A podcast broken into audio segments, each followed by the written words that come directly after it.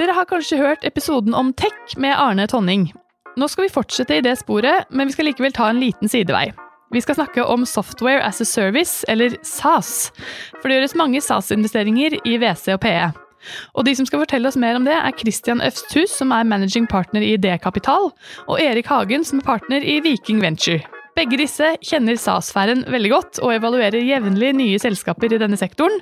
Velkommen til Unotert.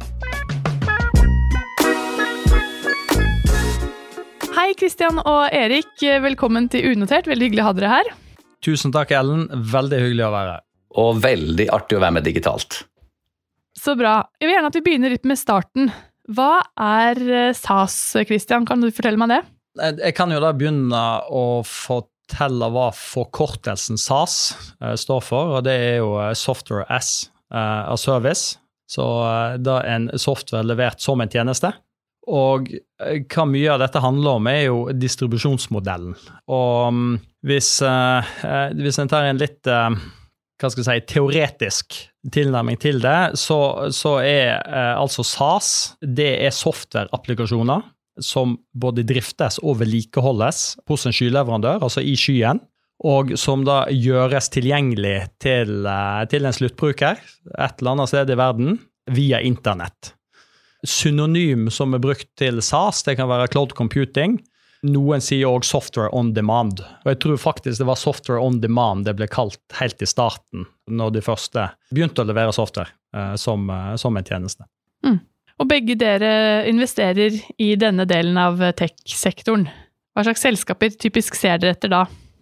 Ja, For vår del i Viking så ser vi etter eh, selskaper som har programvare som støtter eh, arbeidsflyten eller arbeidsprosessen hos kundene. Og vi er en vekstinvestor, så det vil si at vi gjerne vil at selskapene skal ha minst 40 eh, millioner i omsetning når vi investerer.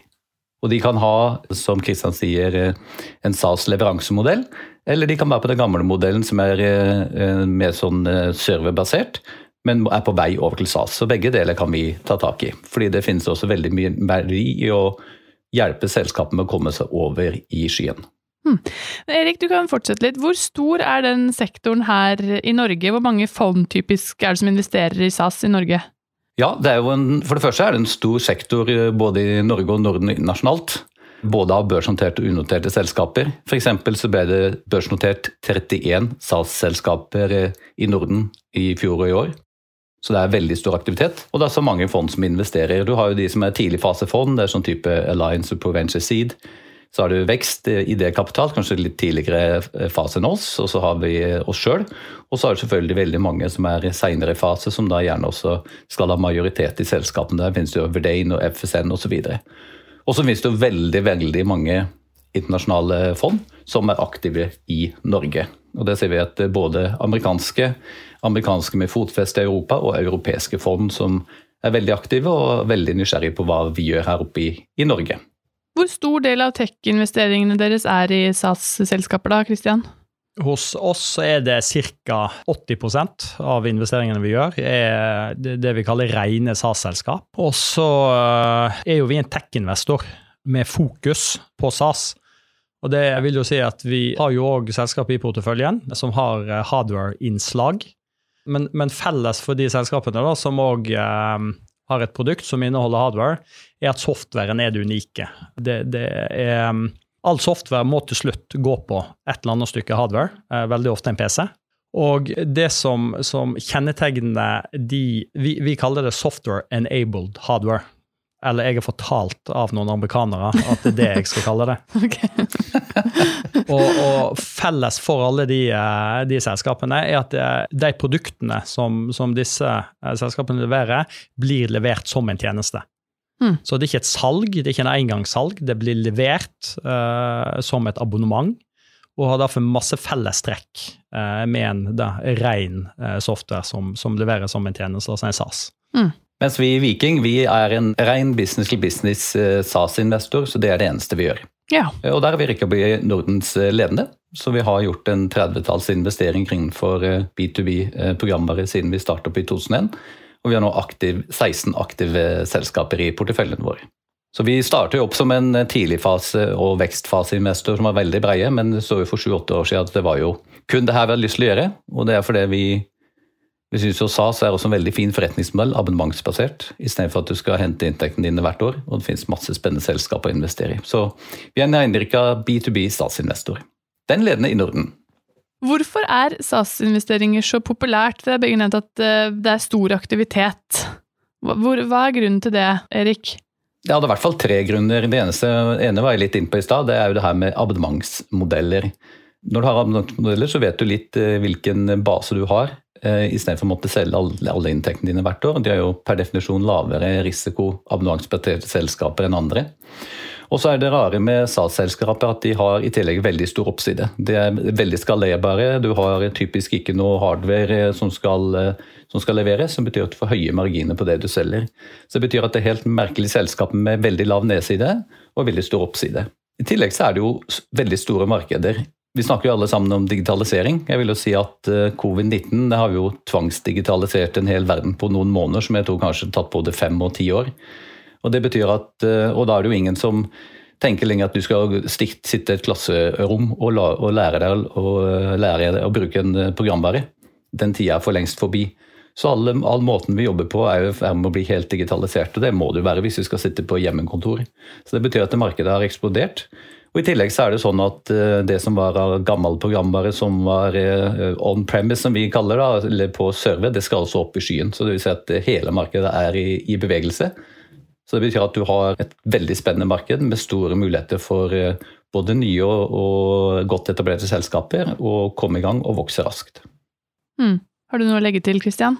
Jeg, jeg, pleier av og til, når jeg skal forklare SAS til, eh, til investorer som, eh, som, da ikke har noe spesifikk kjennskap til SAS, eh, men som, som kanskje har kjennskap til mer tradisjonelle industrier, da, så pleier jeg å si at tenk deg en reder som bygger et skip, og så leier han dette skipet ut i sin levetid til én kunde, og får en fast inntekt årlig på, på det skipet det, det, er en ganske enkel og, og begrensa modell.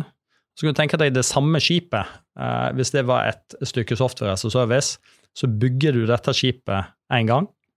Så må du vedlikeholde det, men du kan egentlig leie det ut igjen på nytt og på nytt til et uendelig antall kunder. Mm. Så det, det, sier noe om skalerbarheten i, eh, i, SAS for distribusjonen og antall sluttbrukere av et sånt eh, produkt kjenner egentlig ingen grenser. Så um, det, det, er litt av det som uh, det er en sånn analogi, da, og gjerne en analogi men vi må, må dra til banker, ikke sant, som sier um, ja, men har du noe sikkerhet da, for et lån til et uh, statsselskap? Ikke sant? Nei, vi, det er ikke noe bygninger, ikke sant? det er ikke noe stål, men uh, det er ofte en stor base med kunder uh, som på repeterende basis betaler for den tjenesten. Mm. Så det var en veldig god analogi, Kristian, og det er også det vi pleier å si, at uh, hvis du ser på de to selskapene, så består de av to deler. De består av den eksisterende kundebasen, som er en kontantstrømmotor.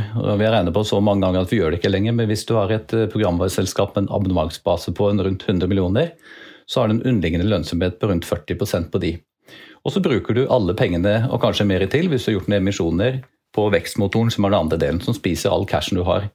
Og Derfor kan jo mange tro at hvis du da har et programvareselskap som vokser la oss si 25-30 i året, og har null i lønnsomhet, er det negativt. At det ikke er lønnsomt. Men det er feil, fordi en veldig stor del av kostnadene går til vekst. Så hvis du skreller bort vekstkostnadene, så sitter du igjen med et ekstremt lønnsomt selskap. Og da blir det som Christian sier, at det du egentlig har, da, er en underliggende yield. Akkurat som i eiendom. Og så legger du på det du trenger for å øke den yielden. Mm. Og Det betyr at eh, hvis et sånt selskap blir for ulønnsomt, f.eks. Eh, de selskapene vi jobber med, så er det bare å ta ned veksten, så kommer lønnsomheten med en gang. Så det kan vi sitte og justere fra, kanskje ikke fra dag til dag, men i hvert fall fra måned til måned.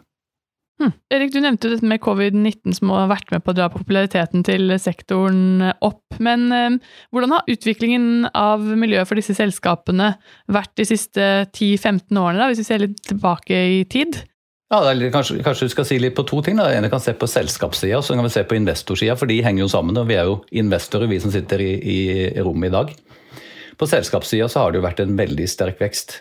Og Noe av grunnen til det er at øh, vi har jo fått teknologi som gjør det mulig helt tatt å drive med SAS. Vil si at Da må vi ha sterke skytjenester som gjør at istedenfor å ha ting liggende på, på Mac-en din lokalt, så kan du basere til og med virksomhetskritiske systemer på skyen. Så Det har vært en kjempeutvikling, og det er jo da det som gjør muligheten for å lage en hel industri på toppen av det her. Så den har jo vokst kraftig. Vi for vår del følger jo 9000 selskaper i Norden gjennom CRM-systemet vårt. Så det sier litt om antallet selskaper som finnes i SAS, eller, eller programmet på vei til å bli SAS i Norden. Hvis Vi ser På investorsida så har det også vært en rivende utvikling. Vi kan ta oss sjøl som et godt eksempel. Vi starter opp som du sa tidligere, litt som en sånn brei eh, investor med både tidlig fase og vekst.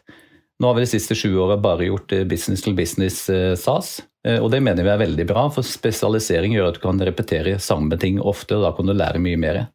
Så vi er en veldig aktiv investor. Vi jobber med forretningsmodell, hvordan du skal prise deg, for selskapene tar typisk seg for lite betalt. Vi jobber med hvordan du bygger skalerbare salgsmodeller, hvordan du rekrutterer folk. Da har vi egne folk på det. Vi jobber med tilleggsoppkjøp, finansiering av de. Vi henter f.eks. en milliard til selskapene våre nå første kvartal. Og vi jobber med exit. Så har vi bygd vårt eget community med selskap som ser helt likt ut, som er det eh, største community for B2B SAS i Europa. Og så har vi masse KPI-er som vi følger på alle selskapene hver måned. Og det har gjort at vi har klart å utvikle, være med å utvikle veldig gode selskaper. Vi har også en egen gjeng da, som jobber bare med eh, inn i selskapene for å få de prosessene som skal gå i selskapene på plass. Så vi har da vokst fra seks personer i, eh, i, teamet til nå 17 stykker. 16 i Trondheim og én i Los Angeles. Og bare i fjor så investerte vi 700 millioner kroner utelukkende fra private investorer inn i nordiske B2B SAS-selskaper. Så det har vært en rivende utvikling både på selskapssida og på investorsida. Er det her som dere jobber med selskapene også, Christian?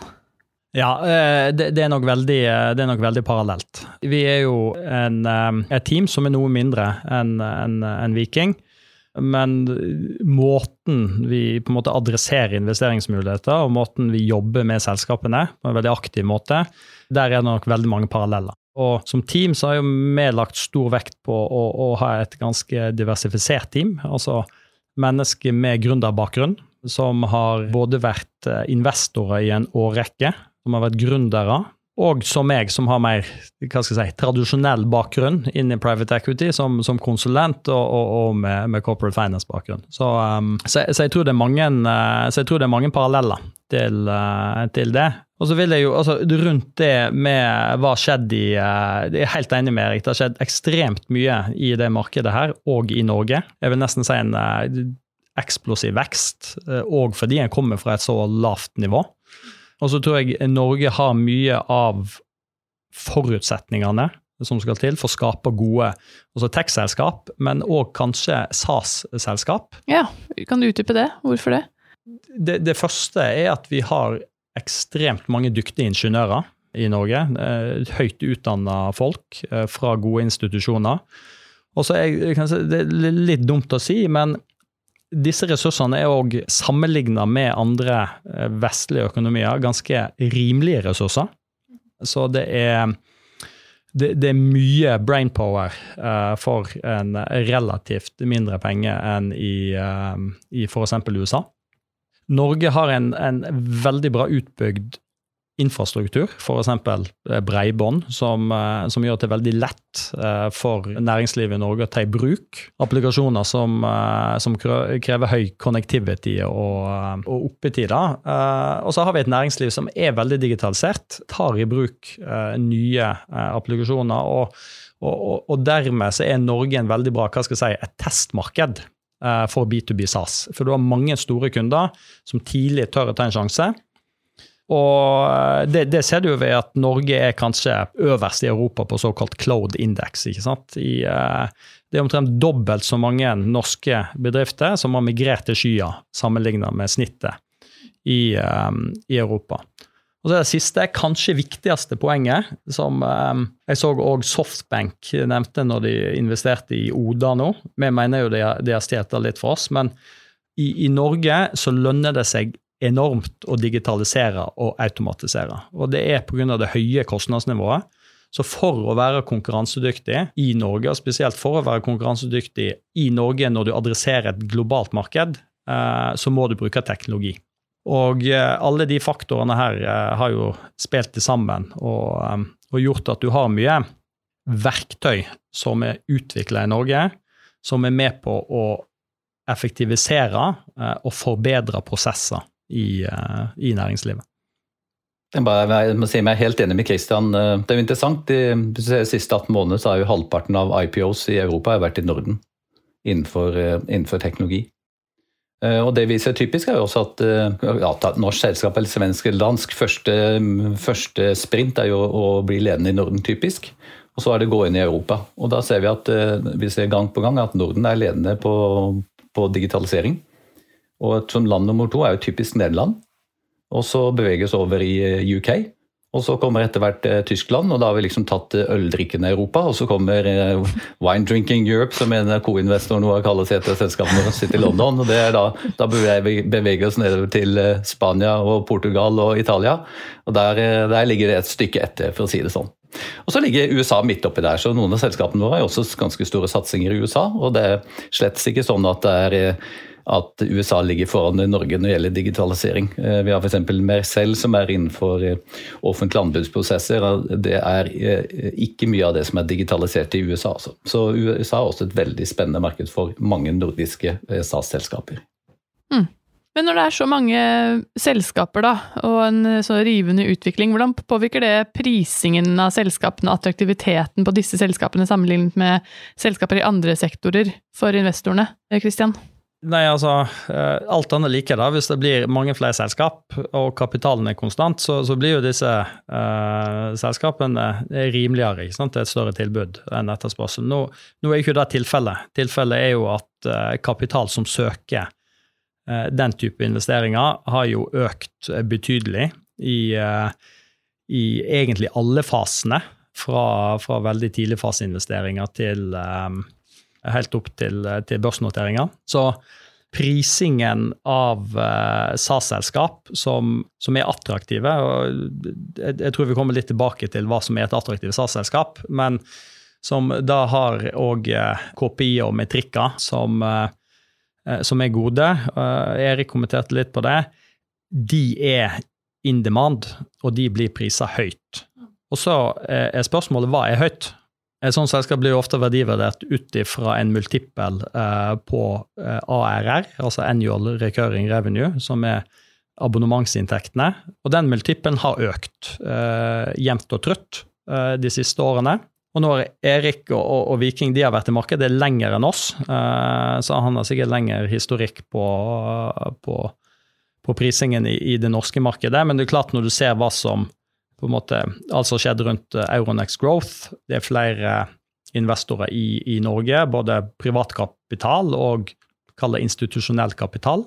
Samtidig som at internasjonal kapital har gjort et mye større inntog òg i Norge.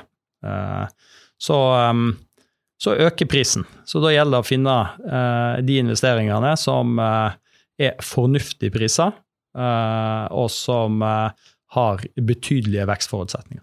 Mm. Erik, du har kanskje noe å legge til her? Ja, det kunne vi snakket mye om, men jeg tror eh, det er klart eh, prisning er på, er på vei opp. Ehm, vi ser jo nå, vi har jo børsnotert fire selskaper vi nå i løpet av eh, ni måneder. og da har jo, Vi starter på multiple på 6,4 ganger abonnementsbasen, eller ARR i Mericel. Så ser vi det har beveget seg opp noe fra det. Det som er interessant, det er jo at Veldig mange investorer syns de nordiske programvareselskapene er punkt én veldig gode, og punkt to lavt pris er fremdeles. Så eh, hvis vi ser på selskapene våre som har gått på børs på sånn eh, seks til eh, ni ganger ARR, så ligger jo snittet på amerikanske B2B salgsselskaper på 17. Sånn at det er jo etter hvert som selskapene vokser, blir større og blir mer internasjonale, så vil også multiplene nærme seg de amerikanske. Så Derfor ser vi i de børsene vi har gjort, det har jo vært en helt betydelig overvekt av utenlandske investorer, hvor de amerikanske investorene overraskende nok har vært størst.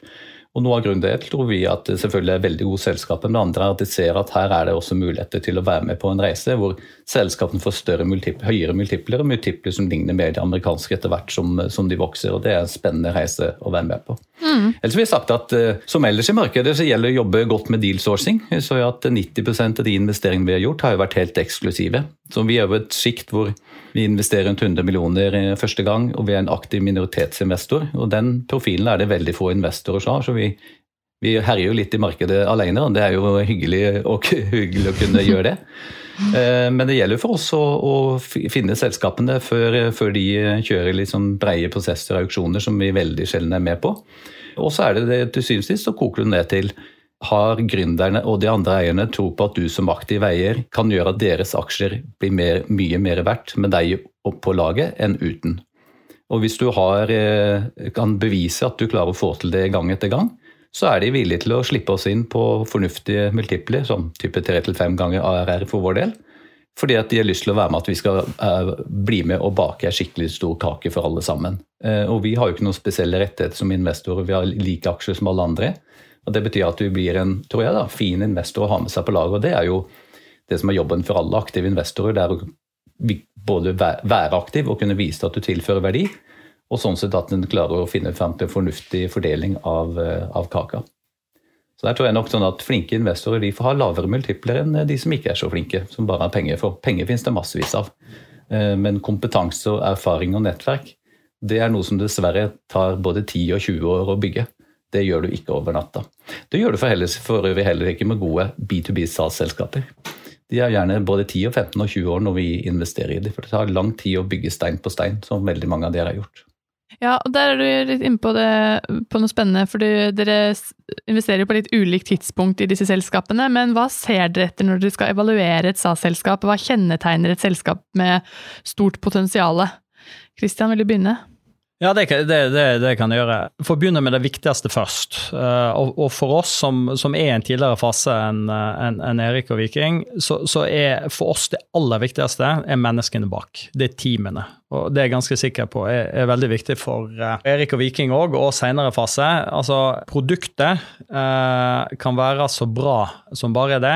Hvis ikke du har noen bak produktet som kan levere, og som kan vokse selskapet, på en troverdig måte, så, så er det med en gang en, eh, si en fallgruve for en investor. Så eh, du, du, hører det gang på gang. ikke sant? Det er blitt en sånn floskel. Ja, menneskene bak er, er viktigst. Men grunnen til at det blir sagt, eh, er pga. at veldig, veldig mange investorer har erfaring med at det er menneskene bak som er det viktigste, og som skaper verdier. Mm. Eh, og det, det, er veldig viktig i, i vårt segment. Men eh, videre så er det jo eh, der med, ikke sant, så ønsker vi å se en veldig tydelig product market fit, og det ser vi gjennom at, at en har fått en betydelig omsetning allerede. Vi ønsker gjerne å se 10-15 millioner kroner og, og over der i i abonnementsinntekter før vi eh, investerer. Vi kan få bekreftelse på at kunder har valgt å kjøpe dette produktet fordi det skaper verdi for kunden. Mm. Så value proposition er veldig tydelig. Så når vi gjør due diligence, så er det viktigste vi gjør, det er å eh, prate med så mange kunder som mulig. Hvordan bruker de dette verktøyet? Hvordan skaper dette verktøyet verdi for de? Eh, hvem er konkurrentene? Hva er alternativene?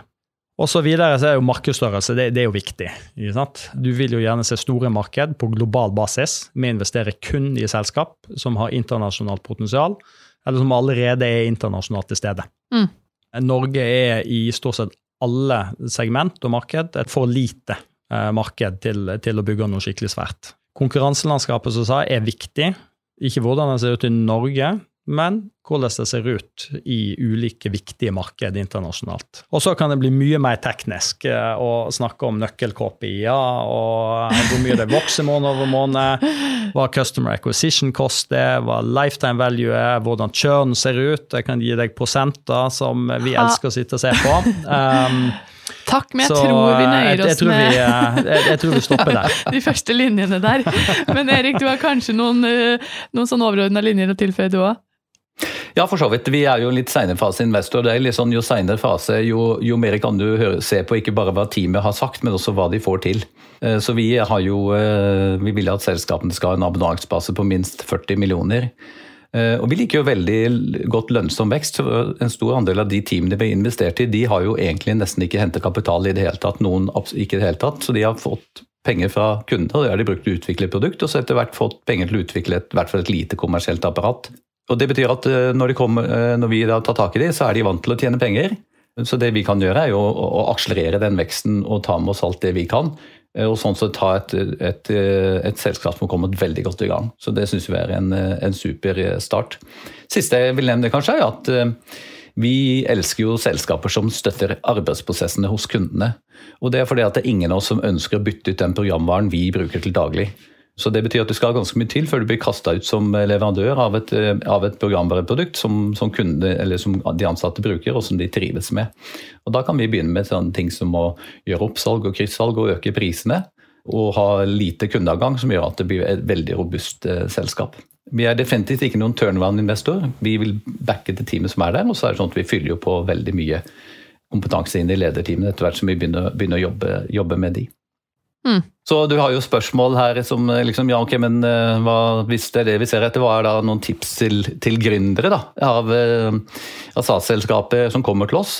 Så ville jeg sagt at kom som du er. Vi har møtt så mange av dere at vi, vi vet akkurat hvilke spørsmål vi skal stille.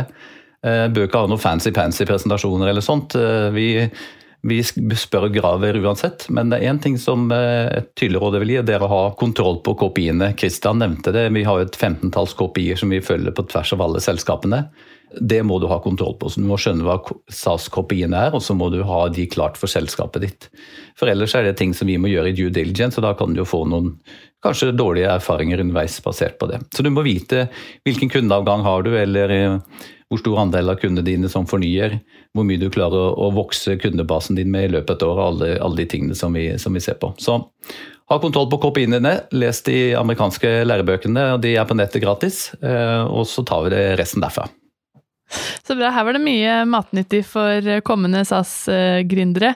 Tiden vår går veldig fort. men jeg har et par spørsmål til eh, på blokka. og Det ene er jo altså, alt dette her med, eh, som skjer i skyen, og uh, som er programvare på en PC. Det er jo litt sånn uh, Man må ha det, men likevel litt sånn fjernt for folk. Hvordan er disse selskapene og produktene deres med på å skape en liksom større verdi enn bare for investorene selv? Eh, hvorfor er de viktige for samfunnet for øvrig? Kristian, vil du si litt på det? Eh, ja, skal, skal, jeg begynne skal jeg gå litt høyt ut da og si at software, eh, software gir verden til et eh, bedre sted å være?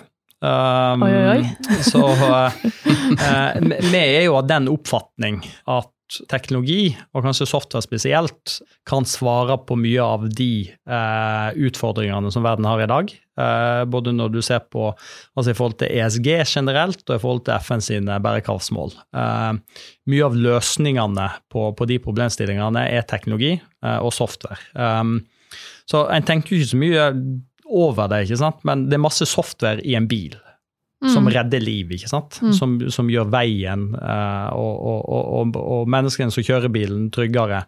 Det er masse software i eh, medisinsk utstyr, i medisinske forskningsprosesser, ikke sant? Som, uh, som gjør verden til et, et, bedre sted. Og det er masse software i en solcellepark som gjør at den kan driftes mer effektivt, og som gjør solkraft og, og fornybar energi til en større energikilde for verden mm. eh, framover. Så, så, det er noen eksempler. Ikke sant? Jeg tenker ikke over det, men software sitter i kjernen av ekstremt mye eh, både produkt og prosesser eh, som, som, som, vi tar for gitt.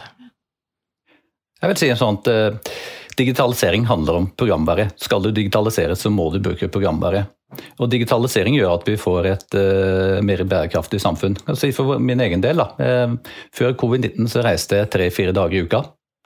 Uh, etter 12. mars i fjor så har jeg vært på to turer i forbindelse med jobb. og Det var for å være med på børsnotering av to av selskapene våre. Nå er det til og med blitt digitalt. Vi har gjort fire nyinvesteringer, vi har børsnotert fire selskaper. Vi har henta flere milliarder i kapital. Vi har ikke hatt et eneste fysisk møte. Eh, uten eh, programvare så hadde det vært eh, helt umulig. Og så vil jeg nevne siste ting, og det er at det har vært veldig mye diskusjon i Norge på hva skal vi leve etter oljen. Ja, Vi skal definitivt leve av programvare. Som Kristian sa, vi har utrolig mye flinke og relativt sett billige ingeniører i Norge som på godt og vondt er vant til å tenke sjøl. Behøver ikke noen sjefer til å fortelle seg hva de skal gjøre. Og det er en kjempeskaperkraft som vi har. Og vi har en stor industri allerede. Mange som jobber med B2B SAS-selskaper. Eh, så at vi kommer til å se veldig mye spennende ting videre, det er, eh, det er jeg helt sikker på. Eh, og, og, sånn sett som skaper da mye verdiskapning for, for, Norge, og mye gode arbeidsplasser. Hvor vi til og med kan sitte akkurat hvor vi vil og jobbe, og være veldig effektive. Ja, da er du inne på det siste spørsmålet der, Erik, som handler om liksom fremtidstanker for denne sektoren. Kan du si litt om hva som er spennende områder innenfor SAS fremover? Ja, jeg vil jo si for det første så tror jeg at SAS, B2B SAS generelt sett er kjempespennende. Punktum. Og det er fordi at vi har bare så vidt sett starten. Se for vår del, da, vi har børsnett av fire selskap siste ni månedene. Mercell, House Control, Eco Online og Ørn. De har en markedsverdi på over 10 milliarder nå. Vi henta 220 millioner til latenser fra en amerikansk investor for å satse tungt i USA. Så her er det veldig mye spennende på gang. Og av de 9000 eh, selskapene vi følger, så er det bare fire vi har børsnotert så langt. Så hvis du er investor og interessert i en spennende investeringsklasse som eh, kommer til å skape mye verdi framover, så ville jeg sagt at eh, da er det bare å følge med. For det her er noe veldig spennende. Så er det sånn at Hva er da spennende områder innenfor SAS? Vi er jo glad i alt som støtter arbeidsprosesser, for de kommer til å bli mer og mer digitale. Vi må bli mer effektive, vi må reise mindre. Vi må bruke e- e- ressursene mer effektivt. Da må vi, eh, da må vi digitalisere. Eh, men det som kommer i tillegg nå, som er eh, veldig spennende, det er jo alt som går på AI og robotisering.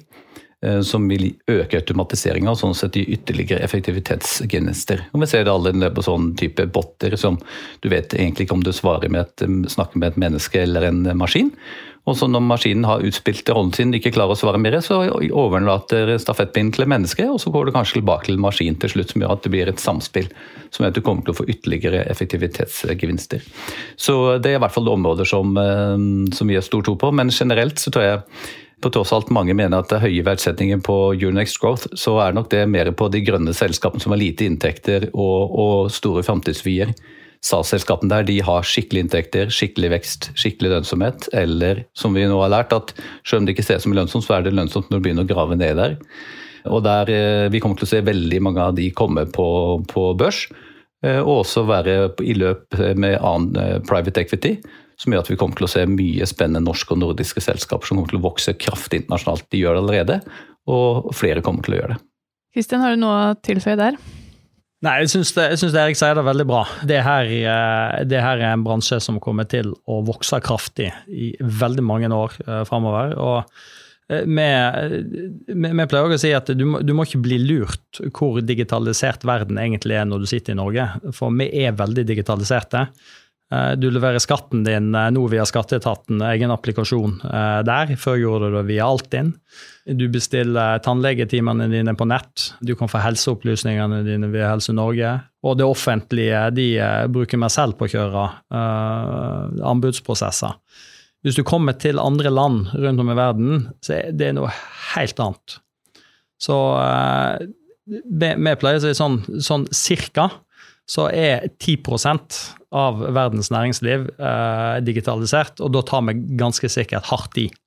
Og det sier noe om potensialet framover. Så, eh, mm. så, så, jeg tror det er litt sånn overordna, uten å dukke ned i spesifikke vertikale bransjer. Det her er generelt et veldig spennende marked på tvers av bransjer. Vi er jo veldig heldige som får lov til å være med på det her, da, Kristian. Det må jeg si. Altså, det er jo selvfølgelig eh, nøye overvalgte valg som gjorde at vi eh, satsa på teknologi en gang i tida, men nå er det rett og slett skikkelig gøy. Eh, og det kommer til å fortsette lenge. Og det er fordi det skapes ekte selskaper med ekte kunder og ekte gode produkter, ekte omsetning, god lønnsomhet, som, som kan legge verden for sine føtter. Med riktige investorer, selvfølgelig. Så bra. Det eh, får bli siste ord for i dag. Jeg skal oppsummere kort det dere har vært innom den siste snaue halvtimen. Dere har sagt at altså, Software as a service det er software som, eh, som driftes i skyen og som gjøres tilgjengelig på internett. De har sagt at det er stor aktivitet i denne sektoren. Covid-19 har naturligvis eh, dratt populariteten til sektoren opp, men utviklingen av skyteknologi en del år tilbake også har vært viktig for utviklingen de siste årene. Kristian, eh, du nevnte at eh, Norge har et fortrinn her pga. høy utdannet befolkning, mange ingeniører, ressursene er rimelige sammenlignet med andre markeder, og vi har en godt utbygd infrastruktur og et digitalisert næringsliv. Så har det sagt at kapitalen som søker denne typen investeringer øker, helt fra tidligfase opp til oppkjøp og børsnoteringer, selv om multiplen på selskapene uh, som dette har økt. Både uh, du Christian og du Erik, uh, som veldig mange andre, vektlegger viktigheten av et godt team her. Noen som kan vokse selskapet på en troverdig måte og ta det videre. Andre viktige ting de har nevnt, er product to market eh, fit. Selskapene må ha en omsetning allerede og kunne bekrefte at det er kunder som ser verdien eh, av dette. Så har dere sagt at det er veldig mye spennende som skjer i sektoren. Eh, flere digitale arbeidsprosesser, vi må reise mindre, vi må digitalisere og vi må effektivisere. Og ifølge Erik har vi bare sett starten for denne sektoren. Og så er det jo veldig deilig at vi har fått svar på et veldig viktig spørsmål i dag. For nå vet vi at det er programvare vi skal leve av etter oljen. Så da gjenstår det bare å si tusen takk til dere begge to for at dere stilte. Tusen takk. Det var skik skikkelig artig å være med. Ja, så bra og til alle dere som lytter, på gjenhør.